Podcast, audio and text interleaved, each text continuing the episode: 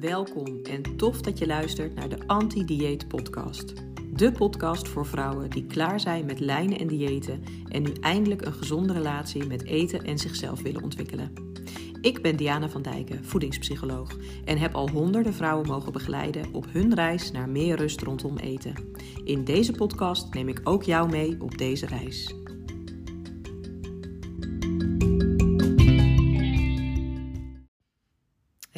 Welkom bij de jubileumaflevering van de Anti-Dieet Podcast. Want jawel, het is alweer een heel jaar geleden dat ik de eerste aflevering opnam. Ik ben deze podcast gestart omdat ik ook jou wil inspireren om meer rust te gaan ervaren rondom eten. Om de dieetcultuur achter je te laten. Om afscheid te nemen van de dieetmentaliteit, eetregels, weekschema's en calorieën tellen. En om jou te helpen bij het ontwikkelen van een gezonde relatie met eten en jezelf. Waarin je weer echt leert luisteren en handelen naar zowel je fysieke, mentale, emotionele als hormonale behoeftes. En wat heb ik in het afgelopen jaar ontzettend veel leuke, toffe, maar ook pijnlijke reacties van jullie mogen ontvangen. Want wat is die dieetcultuur hardnekkig? En wat is het moeilijk om die dieetcultuur echt los te laten? Maar waarom is dat nou eigenlijk zo moeilijk? Vooral omdat het lastig is om afscheid te nemen van die wens om af te vallen wanneer je dik bent of dikker dan je zou willen zijn. Want slank zijn of dun is nog steeds een statussymbool. Afvallen zien we nog steeds als iets wat knap is. Als iemand afvalt, krijgt hij vrijwel altijd complimentjes. En ergens hebben veel vrouwen ook nog steeds die overtuiging dat als ze afvallen, dat ze dan eindelijk gezien zullen worden. Dat ze geaccepteerd zullen worden en gewaardeerd. Maar is dat wel echt zo? Want word jij wel echt geaccepteerd, gewaardeerd en gezien op het moment dat je slanker bent? Of wordt dat slankere lichaam gezien, gewaardeerd en geaccepteerd? En niet jij als persoon, niet die vrouw die daarachter zit, die vrouw in dat lichaam. En is dat niet eigenlijk waar het om zou moeten gaan? Om die vrouw, om jou en niet om jouw lichaam. En zou het misschien ook niet zo kunnen zijn dat die acceptatie en die waardering en het gezien worden vanuit jou zouden moeten komen en niet vanuit iemand anders? Dat jij vooral jezelf graag zou moeten willen zien. Dat jij jezelf zou moeten kunnen accepteren en waarderen. Want als je het mij vraagt, zit daar nou juist de kern. In die stellige overtuiging dat je nu blijkbaar nog niet goed genoeg bent. En dat je pas goed genoeg gaat zijn als je, vul maar in, dunner bent, succesvoller bent, slimmer bent, die leuke partner aan de haak hebt geslagen, die baan op de Zuidas hebt, die mooiere auto rijdt of dat prachtige huis hebt weten te bemachtigen. Er zit een voorwaarde aan jouw gevoel van zelfwaarde. En dat is zo ontzettend zonde, want jij bent per definitie waardevol zoals je bent. En daarom wil ik in deze jubileumaflevering een stukje met jullie delen van mijn nieuwe programma, Werken aan Waarde. Een programma waarin we gaan onderzoeken waar jouw gebrek aan zelfwaarde nou eigenlijk vandaan komt. Waar jij waarde aan wilt hechten en wat jouw waarden zijn. Dit is een programma van 10 weken en een betaald programma. Een programma waar heel veel waarde in zit. Snap je het woordgrapje? Maar omdat dit de jubileumaflevering is, wil ik jullie gratis en voor niets een van de lessen aanbieden. Dus laten we snel van start gaan. Maar pak wel even pen en papier, zodat je tussentijds aantekeningen kunt maken en je de vragen kunt beantwoorden die ik je stel. Want geloof me, daar heb je echt wat aan. Dus beantwoord ze alsjeblieft wel. In werken aan waarde gaat het over dat gevoel niet goed genoeg te zijn. Dat gebrek aan zelfwaarde. Maar wat houdt dat nu eigenlijk in? Wat betekent het als je je niet goed genoeg voelt? Of het idee hebt dat je niet goed genoeg bent? Het heeft in ieder geval zowel te maken met gedachten als gevoelens. En het is een combinatie van een gebrek aan bepaalde eigenschappen of bepaalde eigenschappen juist wel hebben en ervaren angst. Ten eerste heeft het te maken met een gebrek aan eigenwaarde, oftewel de mate waarin je jezelf waardeert, als een soort optelsom van alle ideeën en meningen die je over jezelf hebt en waarvan je het idee hebt dat ze kloppen, dat ze waar zijn. We zijn alleen heel erg geneigd om die eigenwaarde af te laten hangen van allerlei externe factoren.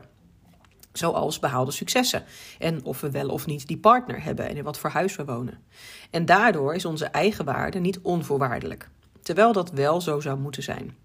We noemen het dan ook wel een gebrek aan eigenwaarde, omdat deze dus aan voorwaarden is verbonden. En daarom gaan we nu starten met die eerste vraag. Want waar laat jij je eigenwaarde eigenlijk van afhangen? Schrijf dat nu vooral eens op en zet de podcast gewoon even op pauze. Dan heb je ook de tijd. Dus waar laat jij je eigen waarde van afhangen? En wanneer is het dan wel goed genoeg? Of wanneer ben jij goed genoeg? En neem vooral voor deze vraag echt even uitgebreid de tijd. Zet hem op pauze en schrijf het antwoord op. Want wanneer is het wel goed genoeg? Wanneer ben jij goed genoeg? Naast een gebrek aan eigenwaarde heeft het ook te maken met een gebrek aan kwetsbaarheid kunnen of durven tonen. Je kwetsbaarheid nog niet kunnen delen met anderen. Er nog niet echt voor openstaan dat kwetsbaarheid oké is. Dat je je kwetsbaar mag opstellen. En dat is ook niet zo gek, want als je je kwetsbaar opstelt, kun je ook gekwetst worden. En toch is het een hele belangrijke en waardevolle eigenschap als je dat wel kunt. Hoe is dat bij jou? Kun jij je kwetsbaarheid al tonen en delen? En zo nee, wat weerhoud je daar dan van? Schrijf het weer op. Druk weer even op pauze. En zo ja, als jij je kwetsbaarheid al wel kunt tonen en delen, bij wie durf je dit dan te doen? En op welke manier doe je dat dan? Dus bij welke mensen durf jij je wel kwetsbaar op te stellen en op welke manier deel jij dan die kwetsbaarheid? Dat gevoel niet goed genoeg te zijn heeft ook te maken met een gebrek aan compassie met jezelf en of compassie met anderen. Hard zijn voor jezelf of voor de mensen om je heen. Bekende uitspraken voor mensen met een gebrek aan compassie naar zichzelf of anderen toe zijn bijvoorbeeld niet zeuren, gewoon doorgaan, het valt allemaal wel mee of niet piepen. Het gaat in heel veel gevallen om bagatelliseren, het minimaliseren van wat er eigenlijk aan de hand is. En hoe is dat voor jou? Heb jij compassie met jezelf? Ben je mild, lief of aardig voor jezelf?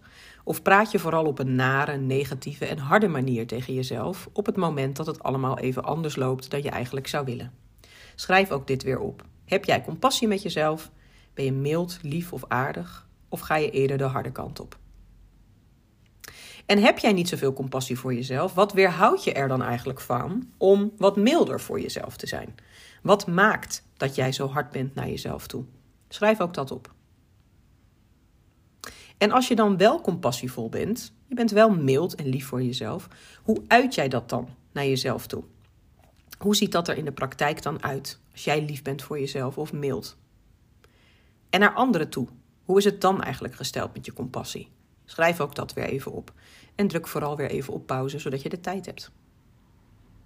Je niet goed genoeg voelen heeft ook te maken met een gebrek aan echte verbondenheid of verbinding ervaren met de mensen om je heen die je accepteren en waarderen voor wie je bent. Dat kan komen doordat je oprecht heel weinig mensen om je heen hebt die je ook accepteren voor wie je bent. Of doordat jij in ieder geval niet het gevoel hebt dat dat zo is. En het gaat dan natuurlijk wel alleen om die mensen die echt in je naaste kringeltje zitten. Je naaste cirkeltje zitten, sorry. Dus denk aan een partner, denk aan ouders, broers, zussen, hele goede vrienden of kinderen. Buiten dat cirkeltje ervaart vrijwel niemand oprechte verbondenheid of verbinding. Het wordt dan toch al snel wat oppervlakkiger. En dat is ook helemaal oké. Maar hoe is dat voor jou? Voel jij echte verbondenheid met de mensen die dicht bij je staan? En zo nee, hoe komt dat dan? Kan je dat plaatsen? En zo ja, hoe ervaar jij die verbondenheid? Hoe ziet dat er voor jou dan uit? Schrijf het weer even op. Een gebrek aan zelfwaarde heeft ook te maken met een perfectionistische inslag. Met de lat heel hoog leggen. Met veel eisen en hoge verwachtingen hebben van jezelf en geen fouten willen of mogen maken. Het is dan natuurlijk al heel snel niet goed genoeg. Hoe is dat bij jou? Heb jij een perfectionistische inslag? Leg je de lat heel hoog voor jezelf? En zo ja, waarom? Waarom ligt die lat eigenlijk zo hoog? En zo nee, is dat dan altijd al zo geweest? Of is dat iets waar je aan hebt gewerkt, omdat je je realiseerde dat het misschien niet zo handig was om jezelf zo perfectionistisch op te stellen? Je niet goed genoeg voelen heeft ook te maken met schaamte. Er zijn bijvoorbeeld eigenschappen, ervaringen, karaktertrekken of dingen aan je uiterlijk waar je je voor schaamt. Waarvan je eigenlijk niet wilt dat andere mensen dat weten, kennen of zien. Waar je niet over wil praten, die je niet wil delen. Maar daarmee hou je de schaamte intact. Want juist door te delen waar je je over schaamt, zal de schaamte oprecht afnemen. Hoe is dat voor jou? Zijn er dingen waar jij je voor schaamt? In je uiterlijk, in je karakter, in je eigenschappen of in de dingen die je hebt meegemaakt? En zo ja, waar schaam je je dan voor? En zo nee, is dat dan een bewuste keuze? Schaam jij je nergens voor omdat je weet dat het geen zin heeft om je erover te schamen, of omdat je het gedeeld hebt, of heb je er gewoon nog nooit over nagedacht en schaam je je gewoon niet snel? Ten slotte heeft een gebrek aan zelfwaarde ook te maken met de angst om afgewezen te worden. De angst om afgewezen te worden als mensen de echte jij zouden kennen. Je hele verhaal zouden kennen. Echt zouden weten wie jij bent. Wat je hebt gedaan, wat je hebt meegemaakt, wat je verhaal is. En dat ze je dan niet leuk of lief of aardig meer zouden vinden. Herken jij deze angst? En waarom zouden mensen jou afwijzen als ze je echt zouden kennen? Heb jij bij een van die voorgaande vragen iets ingevuld over je lichaam? Over de voorwaarden waarvan jij vindt dat je lichaam daaraan moet voldoen voordat het goed genoeg is? Zo ja, dan ben je echt niet de enige. Heel veel vrouwen ontlenen hun waarde, hun zelfwaarde, aan hoe ze eruit zien, aan hun uiterlijk. Maar uiterlijk is vergankelijk. Naarmate je ouder wordt, verandert je uiterlijk. Altijd. Je kunt de tijd niet tegenhouden. Alle botox en plastische chirurgie op de wereld zijn niet genoeg om te voorkomen dat je gezicht en je lichaam zullen veranderen naarmate je ouder wordt. Dus hoe nuttig is het dan om je zelfwaarde te ontlenen aan zoiets vergankelijks als je uiterlijk, je lichaam, je figuur, je gewicht? Maar het is sowieso niet heel erg handig om je zelfwaarde te ontlenen aan bepaalde voorwaarden of externe factoren. Want ook die voorwaarden kunnen veranderen. Je kunt je baan kwijtraken of je partner. Misschien moet je noodgedwongen verhuizen of raak je betrokken bij een auto-ongeluk en is die mooie auto totaal los. Al die voorwaarden kunnen net zo goed vergankelijk zijn. De enige constante factor in jouw leven ben jij zelf. En hoe mooi is dat? Want jij bent er gewoon. En jij bent goed zoals je bent. Ervaar jij dit nog niet zo? Dan wil ik je van harte verwelkomen in mijn nieuwe programma Werken aan Waarde. De eerste vrouwen hebben die tien weken inmiddels afgerond. En ik deel heel graag een paar van hun reviews met je. En wees niet bang, ik deel er echt maar drie. Irene schreef het volgende. Wat was het waardevol om eens echt stil te kunnen staan bij mijn eigen waardes? Bij wat ik nou eigenlijk echt belangrijk vind in het leven? En hoe opvallend was het dan dat er eigenlijk helemaal niks in stond over mijn uiterlijk en mijn figuur? Dus blijkbaar vind ik dat veel minder belangrijk dan ik dacht. Dit programma heeft mij echt geholpen om tot nieuwe inzichten te komen. Dus dank je wel daarvoor. Jasmijn deelde dit met mij. Vooral het oefenen met de gedachten vond ik erg leerzaam.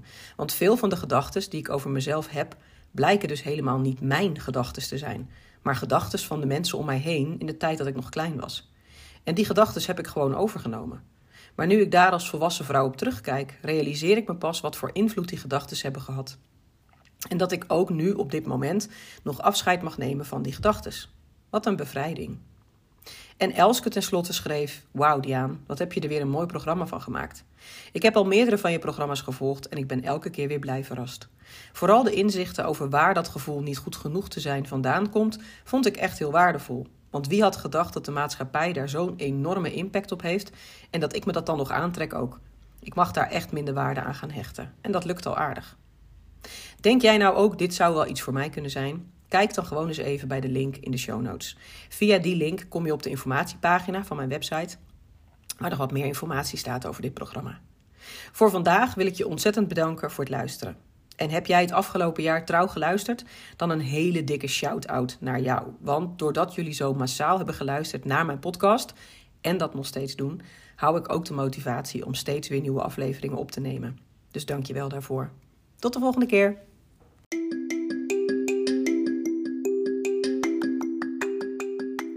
Ontzettend leuk dat je hebt geluisterd. Dank je wel daarvoor. Ik hoop dat je ook de volgende keer weer aanhaakt. Je bent in ieder geval van harte welkom. Vond je dit nou een toffe aflevering? Abonneer je dan op de Anti-Dieet Podcast. Laat sterren achter, schrijf een leuke review of deel deze podcast met andere vrouwen. Dat waardeer ik echt enorm. Wil je me wat vragen of ben je op zoek naar meer informatie? Check dan vooral eens mijn website en mijn socials. Daar vind je ook hele toffe gratis downloads en introductielessen. In de show notes vind je uiteraard alle details. Dit was de Anti-Dieet Podcast. Tot de volgende keer.